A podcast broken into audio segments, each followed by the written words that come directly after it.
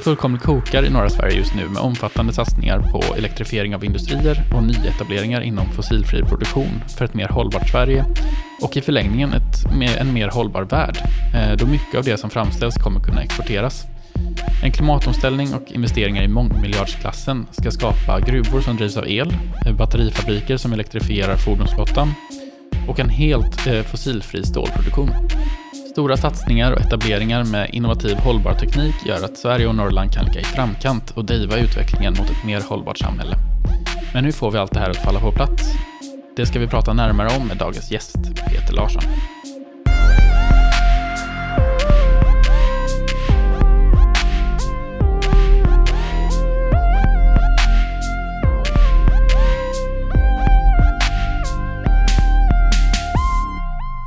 Peter Larsson är sedan december 2020 regeringens samordnare för näringslivets hållbara omställning och samhällsomvandlingen i Norrbotten och Västerbotten. Peter har en bred och gedigen bakgrund. Han är ledamot av Ingenjörsvetenskapsakademin, ordförande i Göteborgs universitet och har sedan 2006 varit samhällspolitisk chef och senior rådgivare vid Sveriges Ingenjörer. Han har erfarenhet av att arbeta med i stort sett alla samhällsfält, kommuner, regioner och myndigheter. Fritiden ägnar Peter gärna åt att renovera sitt hus och trädgård i Stockholms skärgård. Varmt välkommen hit Peter! Tack så mycket! Så kul att ha dig här. Ja, och om vi börjar med direkten då. Du jobbar ju mycket med Norrland. Varför väljer så många industrier att etablera sig i Norrland och varför nu? Ja, det är flera saker som eh, kommer samtidigt och jag ska säga så här att vi får gå tillbaka till 2015 och Parisavtalet om klimatförändringar. Där då världens ledare för första gången antog ett mera kraftfullt program. Men då skulle jag också vilja säga att då kom klimatfrågan på topp i hela näringslivet, in i styrelserummen. Och det var en stor förändring. Man sa att vi kan inte ligga efter, vi måste ligga steget före. Och det där var många som anammade samtidigt och då fick vi vad som man säger över hela världen men väldigt eh, uttryckligen i norra Sverige genom eh, 2017 när vi fick etableringen utav batterifabriken i, i Northvolt i Skellefteå och sen konsortiet Hybrid mellan SSAB, LKAB och Vattenfall. Och det var två sådana här samtida signaler. Att de gjorde det just där beror ju på tillgången till förnybar energi i norra Sverige. Och sen naturligtvis eh, tillgången till råvaror och annat. Och det som har följt i kölvattnet av det, det har ju varit eh, oerhört intressant. För det har kommit investering på investering på investering. Och eh, vi upplever nu en, vad man säga, en väldigt dynamisk situation i norra Sverige. Och de här eh, satsningarna du pratar om nu, de är ju väldigt elintensiva. Mm. Vad tror du, vad är din bedömning? Kommer det räcka till all el? Så man måste se det här i olika perioder. Alltså att etableringen ägde rum där och då. Det berodde ju på vad man sa, lägre priser, god tillgång och så vidare. Och om man eh, genomför alla de investeringar som, invester som är aviserade fram till 2035-2040, ja då kommer det inte att räcka till. Det är därför vi jobbar nu parallellt med hur ska kraftutbyggnaden se ut?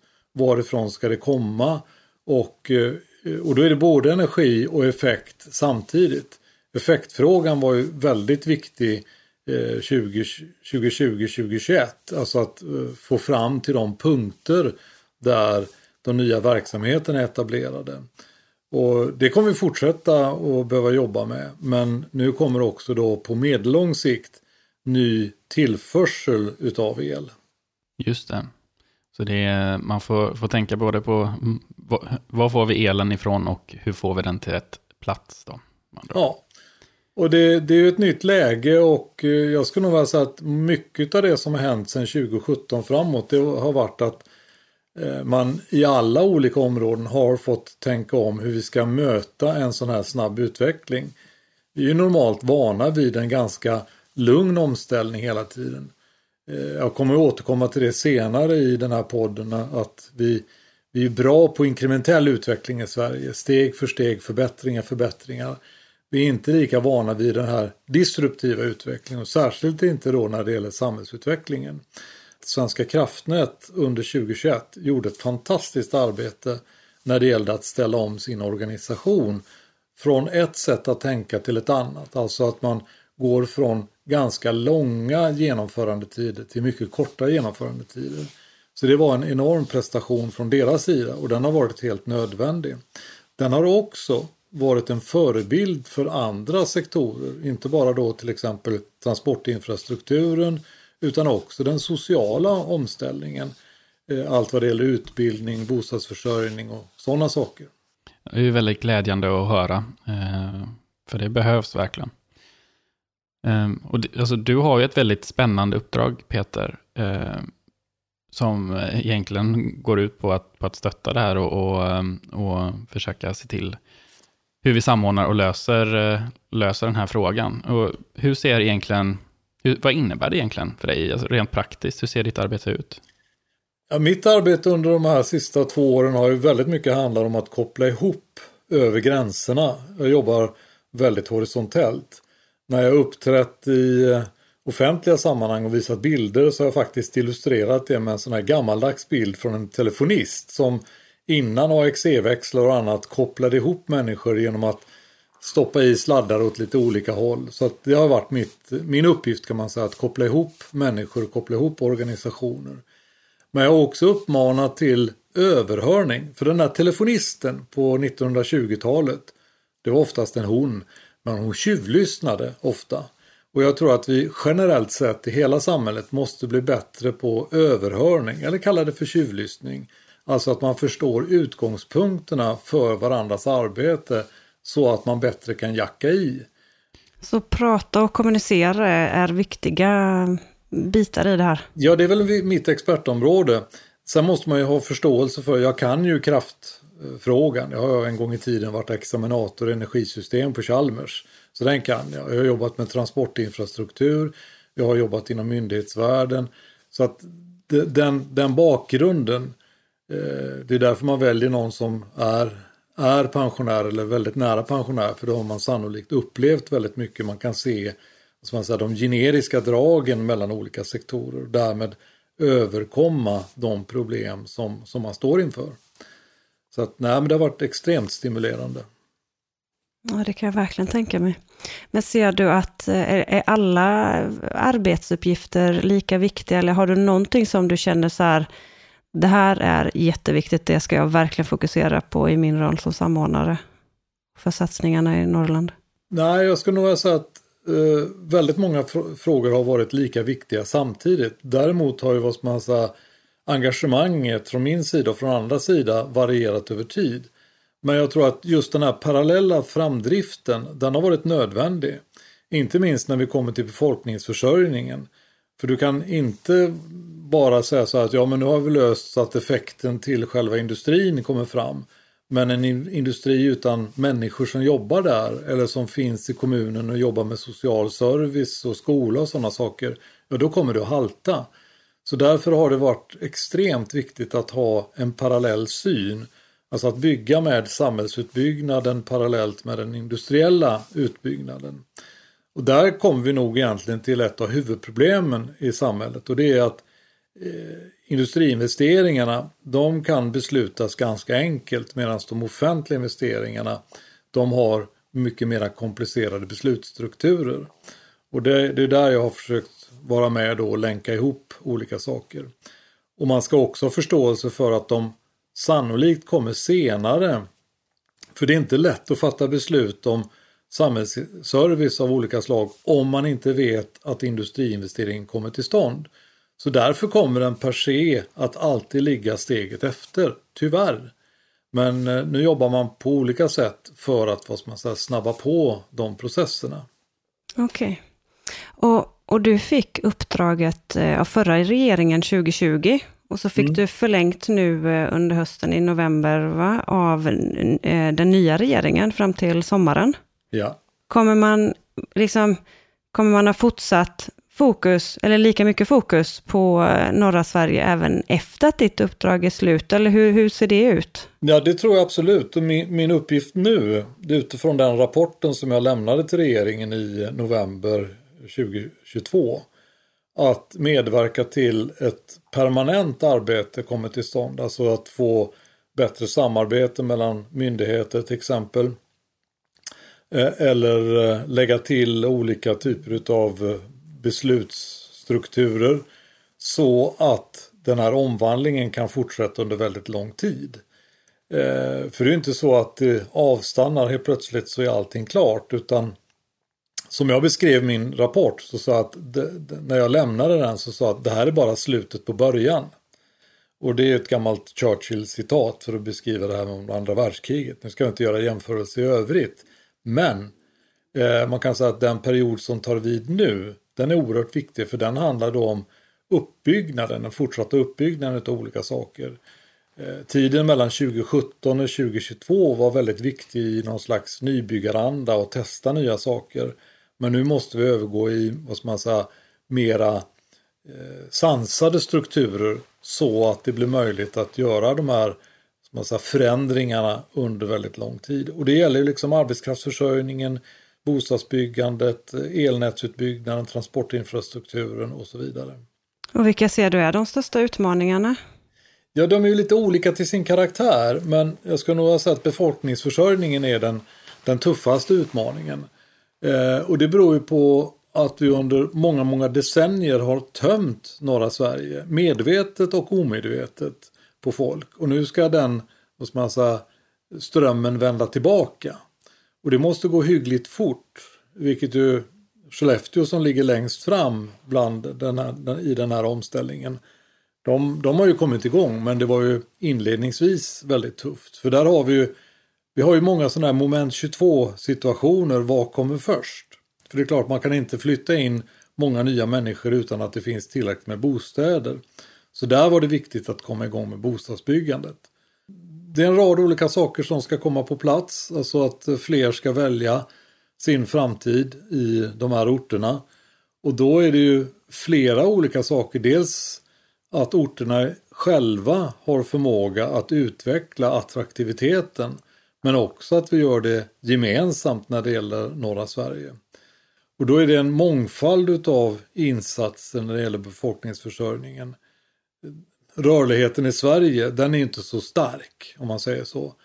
Däremot kan vi få kanske till stånd en internationell eh, inflyttning till många av de här verksamheterna.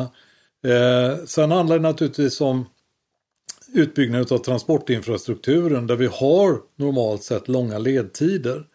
Men min eh, huvuduppgift just nu under våren det är att se hur kan vi korta ledtiderna även inom transportinfrastrukturen på samma sätt som vi har gjort, gjort inom kraftinfrastrukturen. För där har ju Svenska kraftnät nu när det gäller projekt Norrlandskusten gått ner från en koncessionstid från sju år till tre år. Parallellt med att man också har gjort upphandlingarna. Och det där skulle jag säga, det är en prestation och det är därför jag använder den som lite grann ett föredöme för hur man kan bete sig även på andra områden. Så att eh, nu kommer tiden efter slutet på början och det, det är det som är det riktigt intressanta. Oj, vad spännande. Ja, Ja, men som, det låter ju som ett väldigt, väldigt holistiskt arbete som du har gjort. Du har kollat på, på egentligen från, från alla möjliga typer av perspektiv, både i, eh, i nutid och över tid sen också, hur det kommer att förändras. Det är intressant det du säger med att eh, behöver ha bostäder på plats, annars kan, kan vi inte, så alltså har inte folk någonstans att bo och sen så behöver man locka dit människorna också. Ehm, och det handlar ju om att ha folk som kan jobba med den här eh, med omställningen och i industrierna. Är det, vad är, vad är det egentligen för kompetenser som till stor del saknas? Som du ser? All, alla kompetenser skulle jag vilja säga. Eh, och det tycker jag är en god illustration till detta. Det är ju eh, lärarbristen i Kiruna. Eh, det är till och med så att om man säger så här att avsaknaden av 10-20 lärare kan försinka gruvbrytningen. Eller avsaknaden av omsorgspersonal i Skellefteå kan försinka produktionen vid Northvolt. Så jag ska säga att det är hela perspektivet av, av eh, eller hela bredden av arbetskraft som behövs till de här nya orterna och i norra Sverige som helhet. Så det är, vem ska städa sjukhuset till exempel? Och har vi ett ostädat sjukhus, då kanske måste man ställa vårdavdelningar, vilket innebär att Eh, patienter inte kan få den operationen eller annan vård som behövs. Och då får du de här som följdeffekterna. Jag tycker en väldigt bra illustration till detta idag, det är faktiskt det som händer i Storbritannien med krisen i den nationella sjukvården eller i transportinfrastrukturen. Och där idag många som säger så här, ja men detta är, ett, det är en effekt utav Brexit. Och nu upplever den så att vi har liksom inte kunnat hantera den situationen. Och det är därför vi från start måste tänka igenom alla de här olika delarna så att kommunerna måste bli lika bra på att rekrytera som de enskilda industrierna är.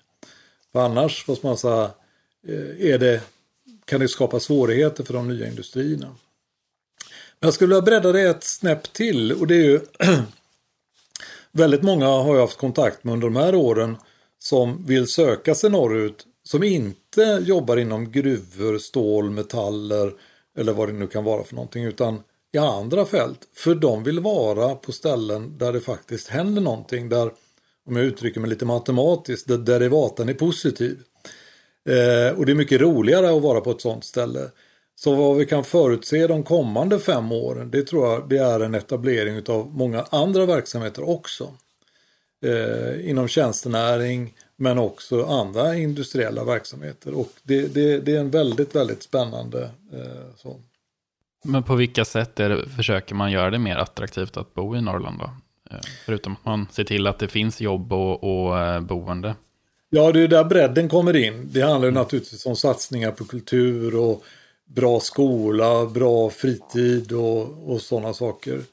Eh, och det finns ju redan idag, men det kanske på vissa orter är lite för ensidigt.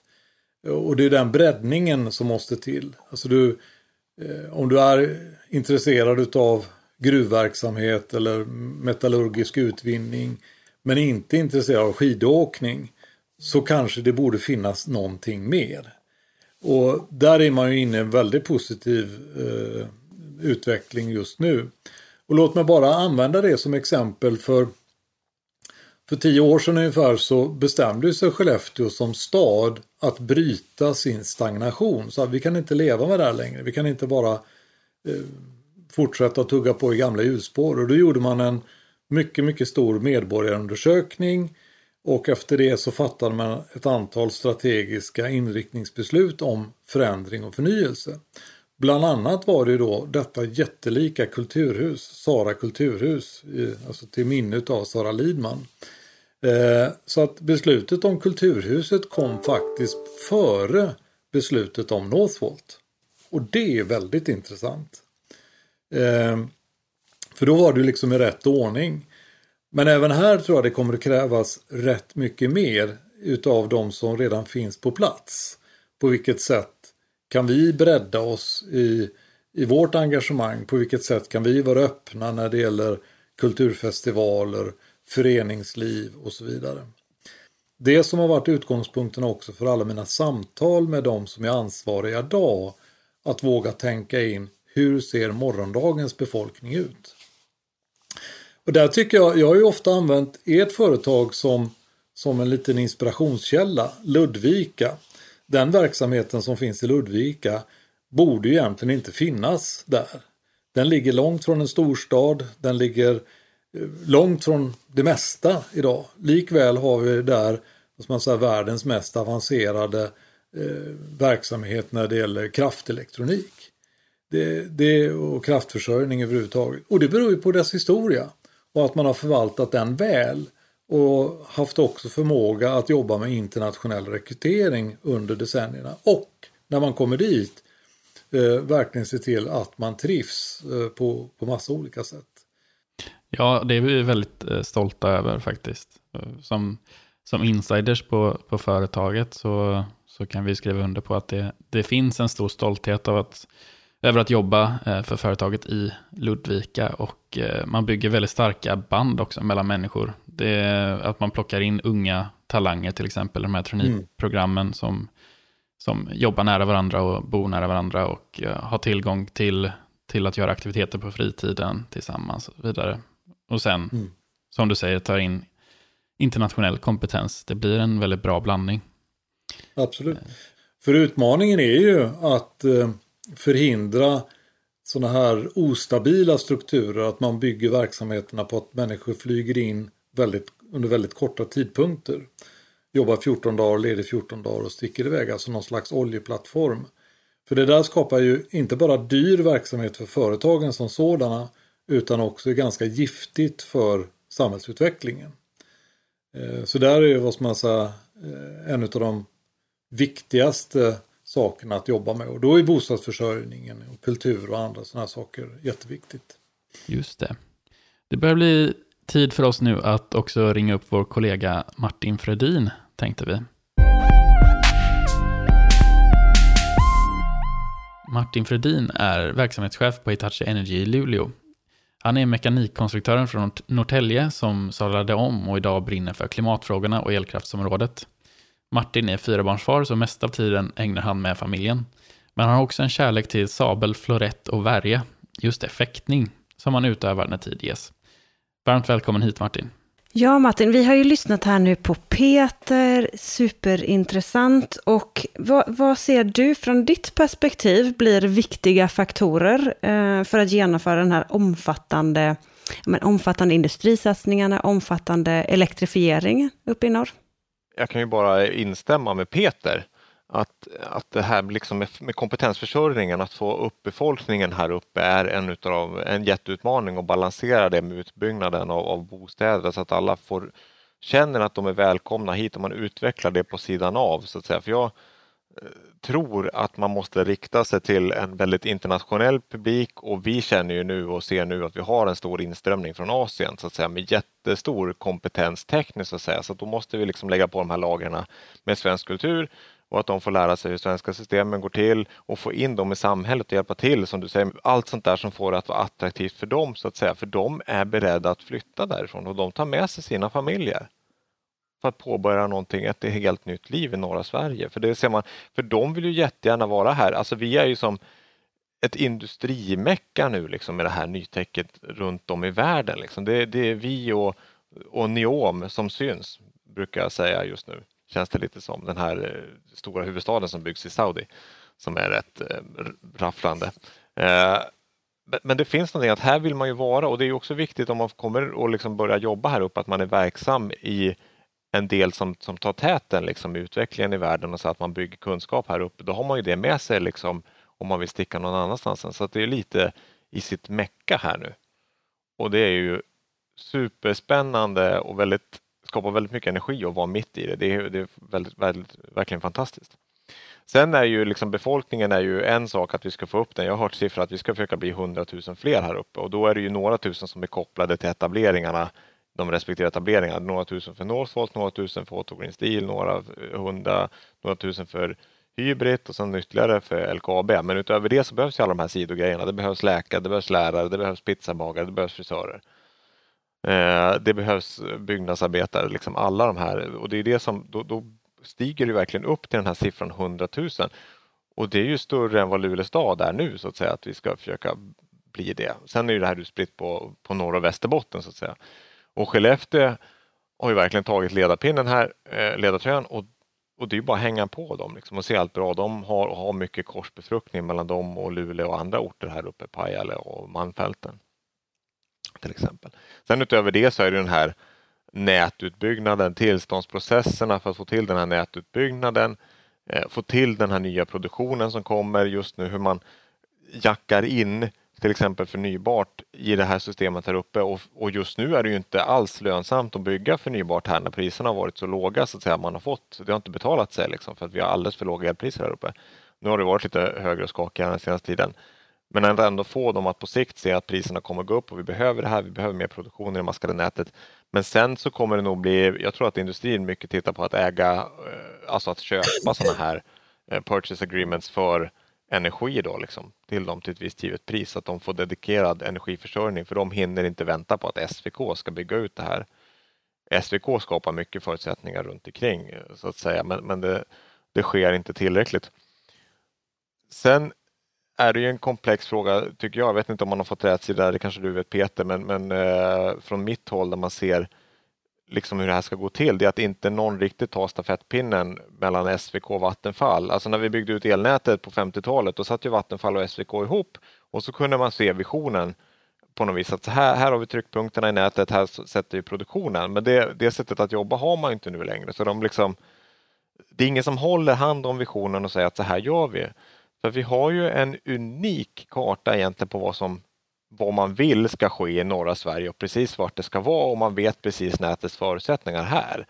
Då kan man ta ett helhetsgrepp egentligen. Hur ska nätet se ut 2050 och, och sätta upp den planen och hur bygger vi för att komma dit? Då?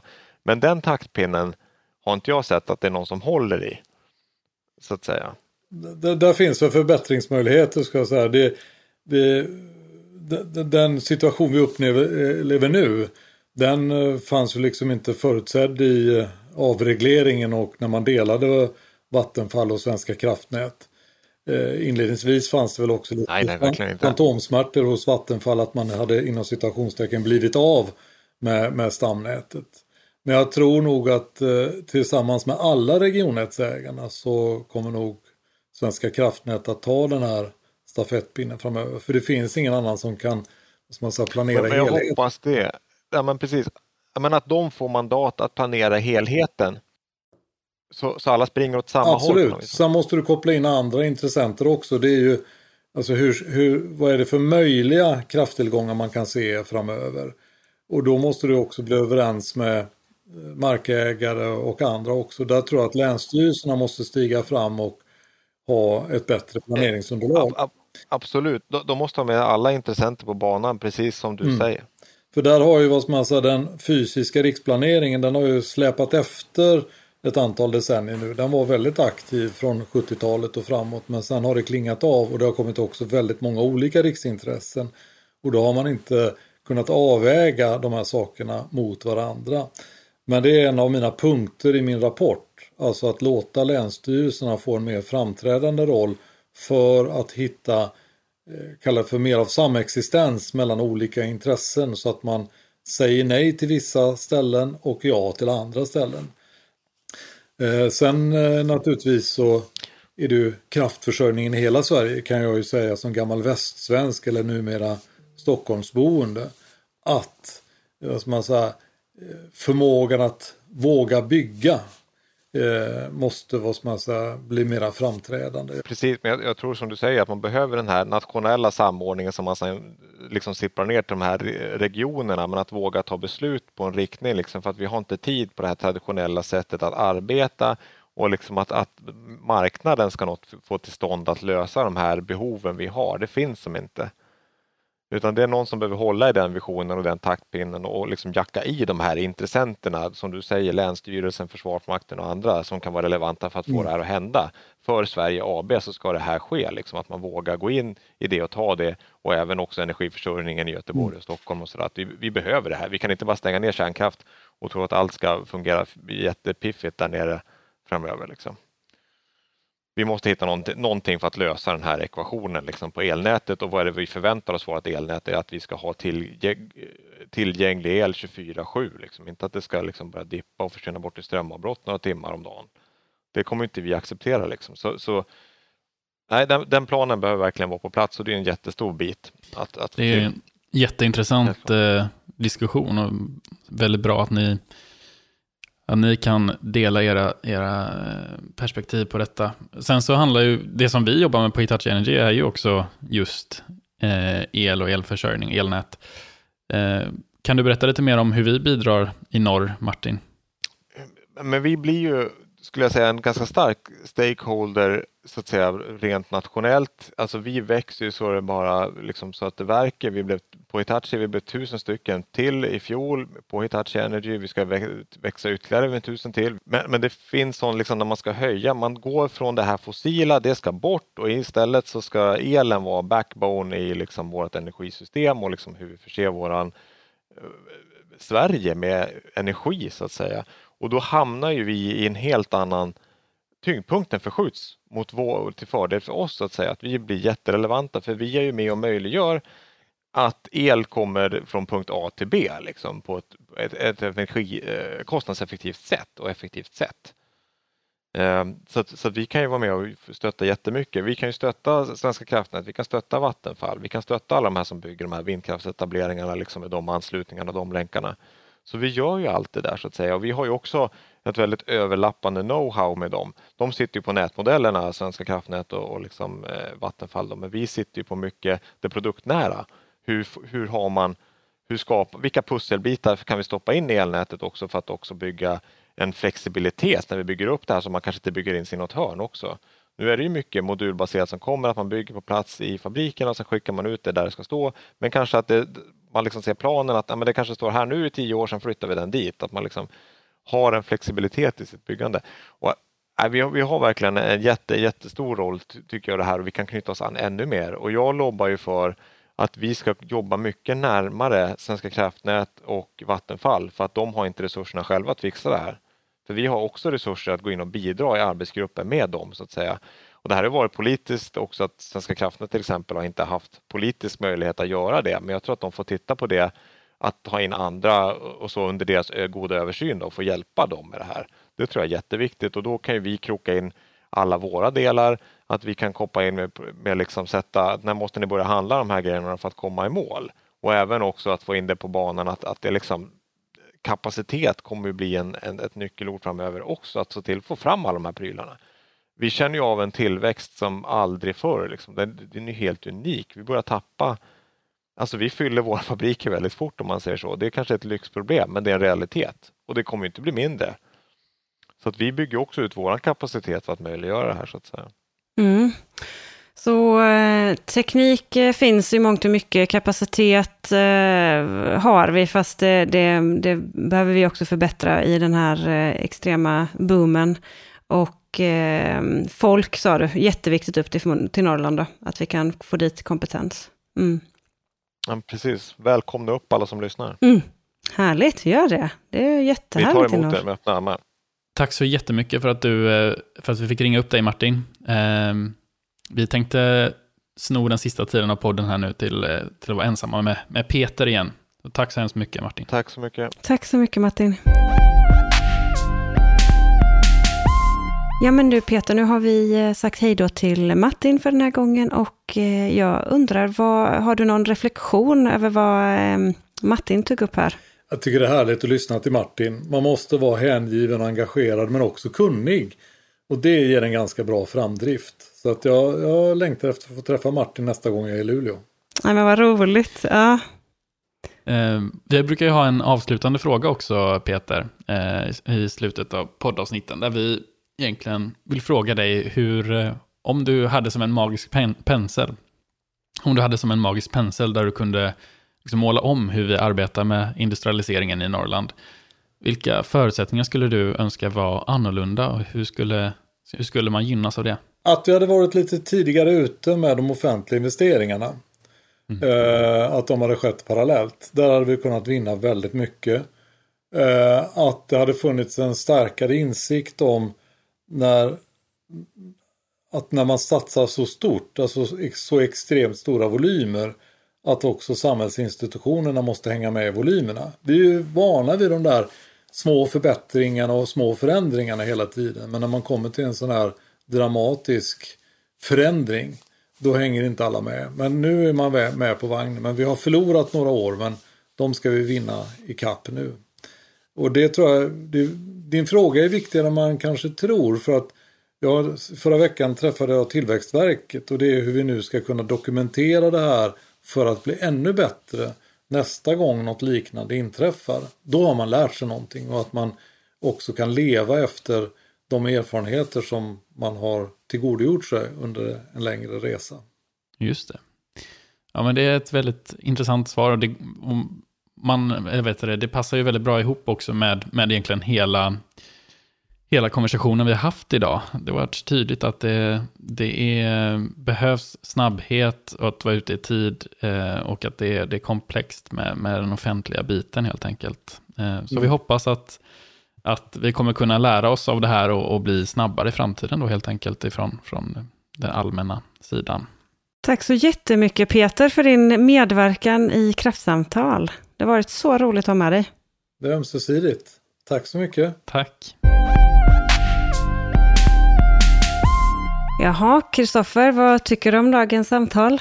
Ja, men det var ju superintressant. Det känns som att eh, omställningen i Norrland är i trygga händer med, med Peter. Eh, han verkar ju vara, han verkar ha en väldigt gedigen och passande bakgrund för att eh, samordna något sånt här. Och, eh, eh väldigt intressant att få lära sig lite mer, mer om, eh, om utmaningar som vi står inför.